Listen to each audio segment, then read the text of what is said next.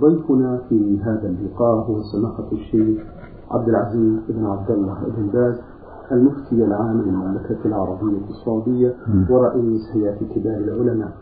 مع مطلع هذا اللقاء أرحب بسماحة الشيخ أهلا ومرحبا سماحة الشيخ. حياكم الله وبارك فيكم. على بركة الله نبدأ هذا اللقاء بسؤال لأحد الإخوة المستمعين رمز لاسمه بألف ألف ألف يقول ما حكم الشرع في نظركم سماحة الشيخ في ذهاب المرأة إلى السوق؟ وإذا كان الجواب لا فهل هذه المرأة فهل هذه المرأة لا تشتري أشياء؟ نرجو التوضيح بهذا مأجورين بسم الله الرحمن الرحيم. الحمد لله وصلى الله وسلم على رسول الله وعلى آله وأصحابه ومن اهتدى بهداه. أما بعد فخروج المرأة إلى السوق لقضاء حاجاتها أمر لا بأس به ولا حرج فيه. إذا خرجت متسترة متحفظة والسوق والسوق ليس فيه خطر ولم يتعرضوا بالسوء للنساء فلا بأس. أما إن كان هناك حاجة لمن يصحبها فإنها تخرج مع أخيها أو مع أبيها أو مع زميلتها. إذا كان ذلك أسلم وأبعد عن أن تؤذى بشيء. أما إذا كان المحل آمنا وليس هناك ما يوجب استصحابها فلا حرج في ذلك. وإذا دعت الحاجة إلى استصحاب من يرافقها فإنها تنظر من يرافقها ممن تزول معه المشقة أو الأذى الذي يخشى منه. نعم بارك الله فيكم. من السودان أم أحمد تقول أسأل وأقول ما هو حكم كشف الوجه؟ أهو حلال أم حرام؟ وهل الحجاب هو الجلباب الواسع فقط؟ وهل له لون معين؟ فنحن في بلدنا نلبس ما يسمى بالثوب الفضفاض فوق الفستان وله ألوان متعددة هل يمكن أن يحل محل الحجاب أم لا يجوز؟ أرجو منكم التوجيه. حجاب الوجه أمر لازم لأن الوجه هو محل زينة المرأة أو ضدها هو محل الفتنة فالواجب ستره. وكان النساء في صدر الإسلام يكشفن وجوههن ثم نسخ ذلك في لما نزل قوله تعالى وإذا سألتموهن متاعا فاسألوهن من وراء حجاب. ذلكم أطهر لقلوبكم وقلوبهن. فأمر سبحانه أن يكون السؤال والكلام مع النساء من وراء حجاب. بأن تكون متسترة من وراء جدار من وراء باب من وراء جلباب قد وضعته على وجهها. حتى لا تفتن ولا تفتن. والجلباب لا حرج أن يكون أسود أو أسود أو أحمر أو أخضر أو أبيض. المقصود ستر الوجه بأي شيء من أنواع المتاع. ولا يشترط أن يكون أسود أو أخضر أو أحمر أو أبيض أو غير ذلك. وبين سبحانه أنه أطهر لقلوب الجميع. أن هذا الجلباب وهذا التستر أطهر لقلوب الجميع وأبعد عن الفتنة. نعم. بارك الله فيكم. هذا السائل عبد الرحمن محمد الولاية الشمالية السودان يقول أرجو من فضيلة الشيخ تفسير الآية الكريمة من سورة العبسة ثم أماته فأقبره ثم إذا شاء أنشره كلا لما يقض ما أمره. مع العلم بأنني قرأت في تفسير ابن كثير ولم أفهم الشرح مأجوري. الآية الكريمة واضحة ثم أماته فأقبره إلى آخر الآية أن الله جل وعلا يميت الناس.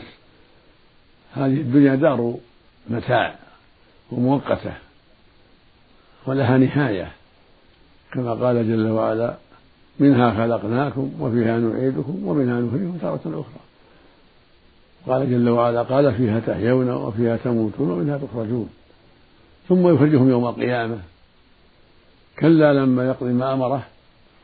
ظاهر الآية والله أعلم أن الإنسان يموت وقد يكون هناك أشياء لم يقضها من الشؤون التي أمر بها لأن الإنسان قد يفجأه الأجل قد يحل به الموت وهناك أشياء لم يقضها. فالعاقل والحازم هو الذي يبادر ويسارع في أداء ما أوجب الله عليه وترك ما حرم الله عليه قبل أن يهجم عليه الأجل. يكون هذا من الحزم أن يبادر ويسارع إلى قضاء ما أوجب الله عليه وترك ما حرم الله عليه قبل أن يهجم عليه الأجل وهو لم يقض ما أمره الله به يعني قد فرط وأضاع. وهذا مثل قوله جل وعلا في كتابه الكريم وسابقوا إلى مغفرة من ربكم وسارعوا إلى مغفرة من ربكم. هذا كله من باب الحيطة للمؤمن أن يسارع ويسابق حتى لا يهجم الأجل وقد فرط. نعم. بارك الله فيكم. هذا السائل أبو أحمد رمز لاسمه بهذا الرمز أبو أحمد ألف ألف من الرياض يقول سماحة الشيخ علمنا بأن من أوثق عرى الإيمان الحب في الله والبغض في الله. فما معنى الحب في الله وما معنى البغض في الله؟ الحب في الله أن تحب من أجل الله جل وعلا لأنك رأيته ذا تقوى وإيمان فتحبه في الله. وتبغض في الله لأنك رأيته كافرا عاصيا لله فتبغضه في الله. أو أو عاصيا وإن كان مسلما فتبغضه بقدر ما عنده من المعاصي. هكذا المؤمن يتسع قلبه لهذا وهذا. يحب في الله أهل الإيمان والتقوى. ويبغض في الله أهل الكفر والشرور والمعاصي. ويكون قلبه متسعا لهذا وهذا. وإذا كان الرجل في خير وشر كالمسلم العاصي أحبه من أجل إسلامه وأبغضه من أجل ما عنده من المعاصي فيكون فيه الأمران الشعبتان شعبة الحب والبغض. فأهل الإيمان أو أهل الاستقامة يحبهم حبا كاملا وأهل الكفر يحبه يبغضهم بغضا كاملا.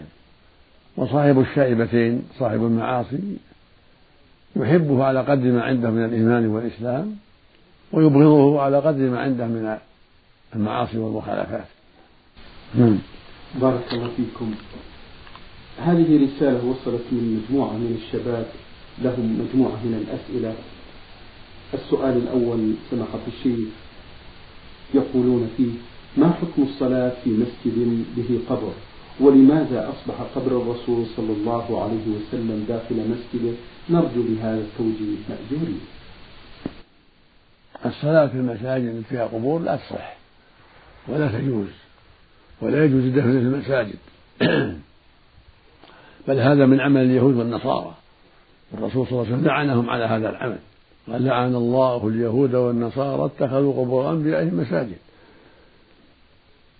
فالواجب على أهل الإسلام أن يحذروا مشابهتهم وأن تكون قبورهم خارج مساجدهم في مقابر خاصة. أما المسجد فلا يجوز الدفن فيه ولا يصلى في المسجد الذي فيه القبور. لأن وجود القبر في المسجد وسيلة للشرك وسيلة إلى أن يدعى من دون الله وأن يستغاث به. فلا يجوز للمسلمين الدفن في المساجد. بل يجب على المسلمين أن يدفنوا موتاهم خارج المساجد في مقابر خاصة كما فعل النبي صلى الله عليه وسلم في المدينة. كانوا يدفنون في البقيع ودفن الشهداء في في في محل قتلهم في أحد. أما قبره صلى الله عليه وسلم فهو في بيته ليس في المسجد. دفنه الصحابة في بيت عائشة. خوفا أن يغلى فيه إذا كان في البقيع بارزا. فدفنوه في بيته خشية أن يحصل فيه الغلو وأن يتخذ قبره مسجدا. فدفنوه في البيت. ثم لما وسع المسجد أدخل في المسجد البيت نفسه الحجرة. لما وسعه الوليد بن عبد الملك أمير المؤمنين في زمانه على رأس المئة الأولى من الهجرة وأدخل الحجر حجر النبي صلى الله عليه وسلم في المسجد دخلت حجرة عائشة من ضمنها. وكان علماء وقته قد نصحوه بأن لا يدخله ولكنه رأى أن إدخاله لا يضر لأن ما أنه في بيته والتوسعة تدعو إلى ذلك. وقد, وقد أساء في هذا. يعفو الله عنا وعنه وعن كل مسلم. فالمقصود أنه صلى الله عليه وسلم دفن في بيته وليس في المسجد وإنما البيت أدخل في المسجد فهو الآن في بيته لا في المسجد. ولا يجوز أن يقتدى بذلك. فيقول ندفن في المسجد لأجل قبر النبي في المسجد لا قبر النبي في بيته في بيته صلى الله عليه وسلم. ولكن ادخل أدخلت الحجره برمتها في المسجد من أجل التوسعة.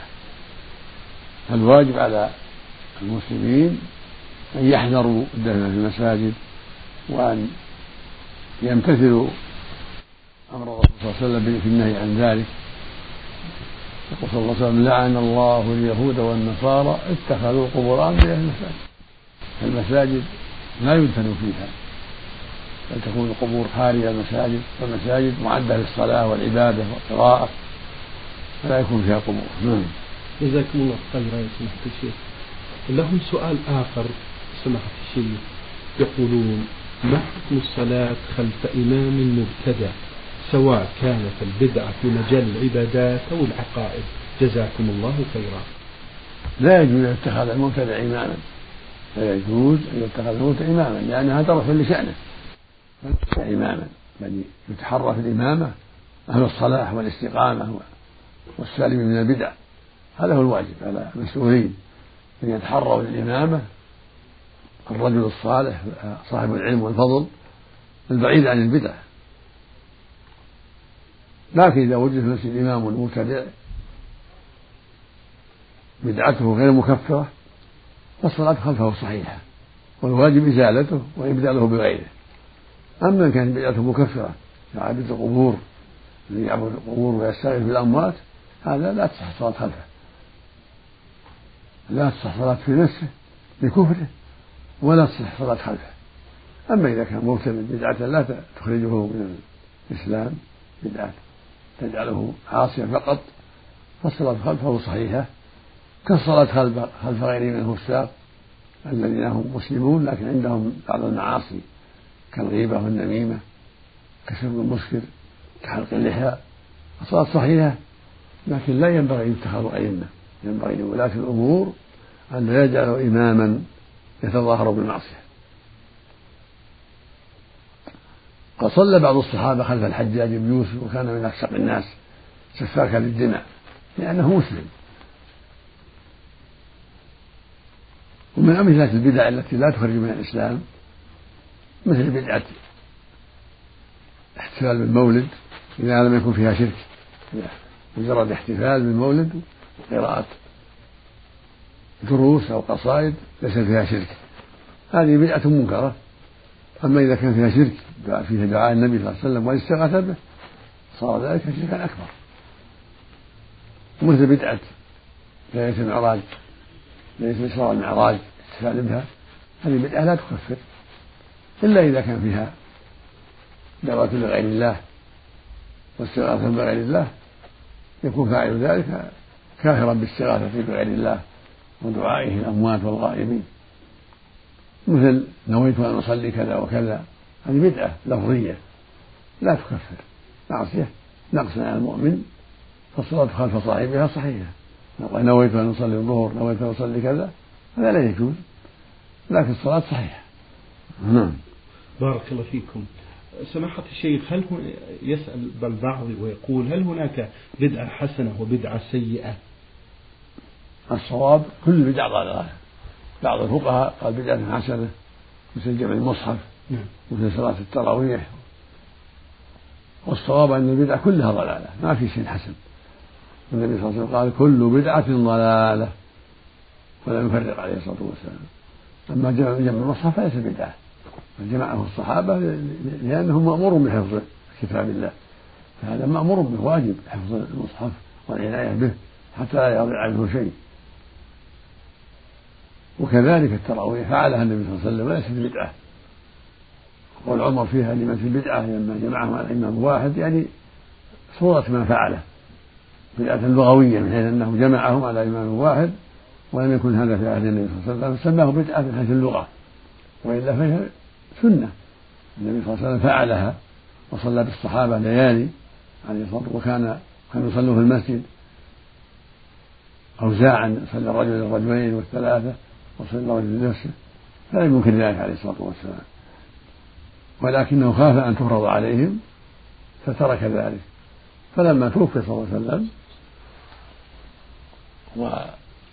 استخلف عمر رأى جمعهم على إمام واحد. لما رأى موزعا في المسجد رأى جمعهم على إمام واحد. لأن الرسول قد فعل ذلك عليه الصلاة والسلام. فهي بالأف اللغوية يعني قال عمر لما البدعة يعني جمعه إياهم على إمام واحد بعد النبي صلى الله عليه وسلم. نعم. بارك الله فيكم.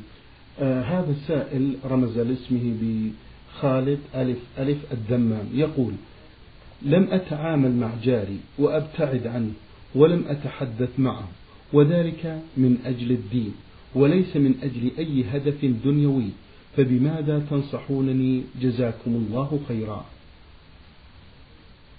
إذا كانوا قد أعلنوا بالمعاصي أو الكفر يستحقون الهجر.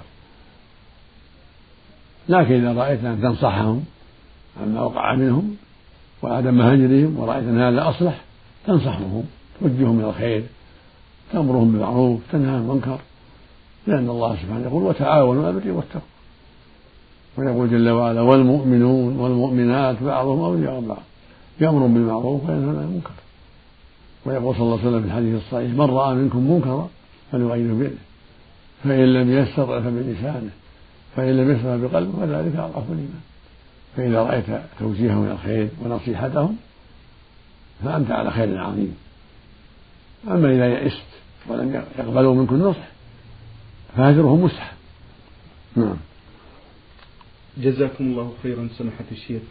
من منطقة القنفذة السائلة شين ألف يا تقول في السؤال الأول عندما توفيت والدتي لم نضفر شعرها ثلاثة قرون كما هو معروف وذلك لارتباكنا في ذلك الوقت وإنما ترك كما هو لتمشيط يديها قبل الوفاة ظفيرتين ولم يوضع طيب كافي فهل علينا حرج في ذلك سماحة الشيخ؟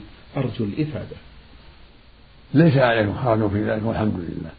لأن ظفر الثلاثة مستحب وليس بلازم. فتركوا إياه ظاهرتين لا حرج في ذلك والحمد لله. نعم.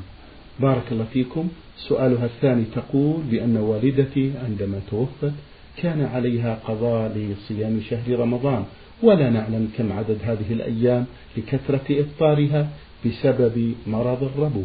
وكانت تنوي القضاء ولكنها ماتت ماذا يلزمنا سماحة الشيخ؟ يشرع لكم الصيام عنها. يشرع لكم الصيام عنها حسب الظن. تجتهدون وتصومون ما يغلب على الظن أنها أفطرتم من رمضان وأنتم مأجورون. يقول النبي صلى الله عليه وسلم من مات وعليه الصيام صام عنه وليه يعني قريبه. فالأفضل لكم أن تصوموا عنها ما تيسر. أنت وأخواتك أو واحدة منكن تصوم عنها حسب الظن. إذا ظننتم أنها عشرة أيام صوموا عشرة. ظننتم أنها خمسة عشر صوموا خمسة عشر وهكذا بالظن. ويكفي هذا. وإن صدقتم عنها عن كل يوم طعام مسكين كفى. لكن صومكم عنها أفضل. جزاكم الله خيرا. هل تصل الميت أو هل يصل الميت عندما يصلى له وتوهب له هذه الصلاة؟ وكذلك الطعام والشراب وقراءة القرآن. وماذا يقول الواهب عند ذلك جزاكم الله خيرا؟ لا يصلى لأهله لا الصلاة لا لكن يصدق عنه. أما الصلاة لم ترد بالنصوص لكن يصدق عنه يدعى له يحج عنه لا يكون هذا ينفعه. أما كون يصلى عنه أو يقرأ له فليس عليه دليل لكن الصدقة عنه والدعاء والحج والعمرة كل هذا طيب ينفعه ينفع الميت. نعم. من أسئلتها سماحة الشيخ تقول ما حكم وضع الأشجار على القبر وذلك بقصد تماسك التربة وعدم انجراف القبر من شدة الريح وكذلك رشه بالماء أيضا للحفاظ عليه من الانجراف. لا بأس برش وضع الحصبة عليه. يوضع عليه حصبة تمسكه. أما الشجر فلا لا حاجة إلى ذلك لأنه قد يعتقد فيه شيء. أما نصب الجريدة الذي فعله النبي صلى الله عليه وسلم فكان في قبرين اطلع على عذابهما عليه الصلاة والسلام.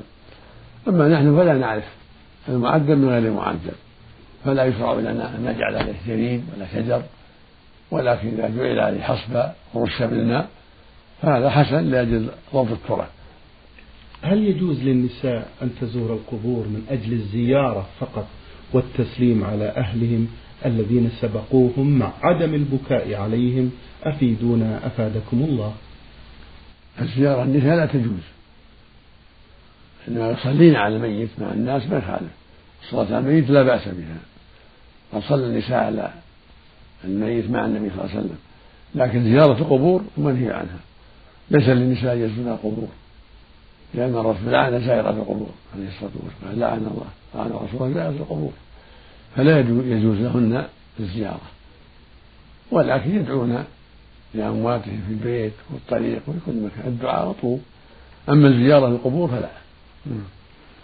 السائل أشرف محمد يقول في هذا السؤال سمعت من بعض إخواني يتحدثون عن الناسخ والمنسوخ في القرآن. فما هو الناسخ وما هو المنسوخ؟ جزاكم الله خيرا. الناسخ الحكم الأخير والمنسوخ الحكم الأول. فالمنسوخ في من أمثلة ذلك كان الناس يستقبلون بيت المقدس في الصلاة. حتى هاجر النبي صلى الله عليه وسلم ومضى عليه ستة ستة عشر شهرا أو سبعة عشر شهرا ثم أنزل الله الناسخ وهو قوله جل وعلا قد نرى تقلب وجهها في السماء فلنوليك فلنوليك إن الله. فول وجه شطر المسجد الحرام وحيثما كنتم فولوا وجهه شطره. فهذا هو الناسخ لما كانوا يفعلون من استقبال بيت المقدس. أنهم أمروا أن يستقبلوا الكعبة. أينما كانوا؟ نعم. بارك الله فيكم. يقول هذا السائل أشرف محمد أثناء الصلاة يحدث لي سهو مما أضطر إلى قراءة الفاتحة أكثر من مرة وكذلك التحيات فهل هذه الصلاة جائزة؟ وما الواجب علي نحو ذلك؟ يقول أثناء الصلاة يحدث لي سهو مما أضطر إلى قراءة الفاتحة أكثر من مرة وكذلك التحيات فهل هذه الصلاة جائزة؟ وما الواجب علي نحو ذلك؟ الصلاة جائزة لكن المشروع لك ألا أن تعوذ بالله من الشيطان من الوساوس. تقرأ الفاتحة مرة والتحيات مرة لا تكرر. وإن جاءت الوساوس تعوذ بالله من الشيطان. ولو كررت الصلاة صحيحة والحمد لله. طيب. أثناء صلاة السنة تقام صلاة الجماعة. فهل أترك السنة وأذهب إلى صلاة الجماعة أم أكمل صلاة السنة؟ وفي حالة ترك صلاة السنة ما كيفية الخروج منها مأجوري؟ ما دمت صليت الفريضة. فهمت يكفيك هذا. وإذا شرعت في صلاة النافلة كملها. وليس هناك حاجة إلى قطعها للصلاة مع الجماعة الآخرين. وإن صليت معهم قبل أن تشرع في النافلة صليت مع جماعة جديدة فلا بأس. لكن هم ليسوا في حاجة إليك. وإن صليت معهم فلا بأس. أما إن كان واحد صلي معه حتى تكون أنت وياه جماعة. لقوله صلى الله عليه وسلم لما دخل رجل وقد صلى الناس قال عليه الصلاة والسلام من يتصدق على هذا فيصلي معه إذا كان واحد قد فاتته الصلاة وأنت صليت معه حتى تكون حتى تكون جميعا جماعة هذا حسن. أما إذا كانوا جماعة فأنت مخير إن صليت معهم فلك أجر وإذا اشتغلت اشتغلت بالنافلة أو خرجت فلا بأس. ولهذا قال النبي صلى الله عليه وسلم لأبي ذر لما ذكر أنه يأتي في آخر الزمان قوم يؤخرون الصلاة عن وقتها قال النبي صلى الله عليه وسلم صل الصلاة لوقتها. فإن أقيمت وأنت في المسجد فصلي معهم فإن هذا كان فإن هذا كان جزاكم الله خيرا يا سماحة الشيخ السائل ألف ألف ألف يقول أيهما أفضل لطالب علم الدعوة إلى الله أو التفرغ لطلب العلم؟ جزاكم الله خيرا. إذا كان من العلم عنده قدرة على الدعوة عنده علم وبصيرة فالأفضل له الدعوة. أما إن كان حتى الآن ليس عنده العلم الذي يعينه على الدعوة عنده حاجة يتفرغ لطلب العلم ويتفقه في الدين حتى يكون أهلا للدعوة وإقامة الأدلة الشرعية. أما إذا كان قد رزقه الله العلم وقد تفقه في الدين وعنده الأدلة الشرعية فكونه يتفرع للدعوة مع تعليم الناس العلم في المسجد أو في بيته يجمع بين الأمرين هذا خير عظيم. يقرأ في الأوقات المناسبة أو يعلم الناس أو يقرأ على العلماء ويقوم بالدعوة في الأوقات الأخرى. نعم. هذه سائلة من العراق تقول في هذا السؤال أسأل وأقول ما الحكمة من ارتداب من ارتداء المسلمة الحجاب أثناء الصلاة؟ هل هو من أجل حضور الملائكة أثناء الصلاة أم لأنها تقف تقف بين يدي الله عز وجل. لأن ابنتي سألتني هذا السؤال ولا أعرف الإجابة الصحيحة فسألتكم مأجورين تقول ما الحكمة من ارتداء المسلمة الحجاب أثناء الصلاة؟ هل هو من أجل حضور الملائكة أثناء الصلاة أم لأنها تقف بين يدي بين يدي الله عز وجل لأن ابنتي سألتني هذا السؤال فأرجو منكم الإفادة. ليس عليها حجاب إذا كانت تصلي وليس عندها رجال أجانب لها أن تكشف وجهها. أما كونها تستر رأسها وبدنها فهذا لأنها عورة. ووقوفها بين يدي الله مستورة أفضل ولأنها قد يبدو من من ليس محرما لها قد يدخل محل من ليس محرما لها فقد تعمل بالحيطة. إلا الوجه فإنها تكشفه لكن ما عندها أجنبي. وتستر بقية بدنها هذا هو المشروع هذا هو الواجب عليها. إلا الكفين فلا مانع من كشفهما وسترهما أفضل. أما الوجه فالسنة كشفه في الصلاة إذا كان ما عندها أجنبي. أما إذا كان عندها أجنبي فإنها تستره لأنها عورة وفتنة هذا السائل أبو عبد الرحمن سين عين سين. منطقة سدير يقول في هذا السؤال لقد انتشرت في الآونة الأخيرة استعمال مانع الحمل بعد الزواج وذلك لكي تعرف الزوجة سلوكيات الزوج فإن كانت صالحة تركت الحبوب وإن كان العكس استمرت حتى يكون الطلاق والمقصود من ذلك مشكلة الولد بينهما فما هو الحل الصحيح في ذلك؟ في حكم الشرع في نظركم جزاكم الله خيرا. آمين. يقول هذا السائل انتشرت في الآونة الأخيرة استعمال مانع الحمل بعد الزواج وذلك وذلك لكي تعرف الزوجة سلوكيات الزوج. فإن كانت صالحة تركت الحبوب وإن كان العكس استمرت حتى يكون الطلاق. والمقصود من ذلك مشكلة الولد بينهما. فما هو الحل الصحيح في ذلك؟ وجزاكم الله خيرا. استعمال الحبوب بهذا القصد لا أعلم له أصلا والمشروع ترك ذلك لأن الله قد يرزقهما ولدا يكون سببا للألفة والمحبة واستمرار النكاح. فلا أرى وجها لاستعمال الحبوب في أول الزواج. فللسنة أن تدع ذلك والمشروع أن تدع ذلك وفي حل هذا نظر. في حل استعمال الحبوب نظر بل المشروع أن تترك ذلك لعل الله يرزقهما ولدا فيكون سببا للمحبة والوئام بينهما. إلا من علة. يكون هناك علة شرعية كأن تكون مريضة يضرها الحمل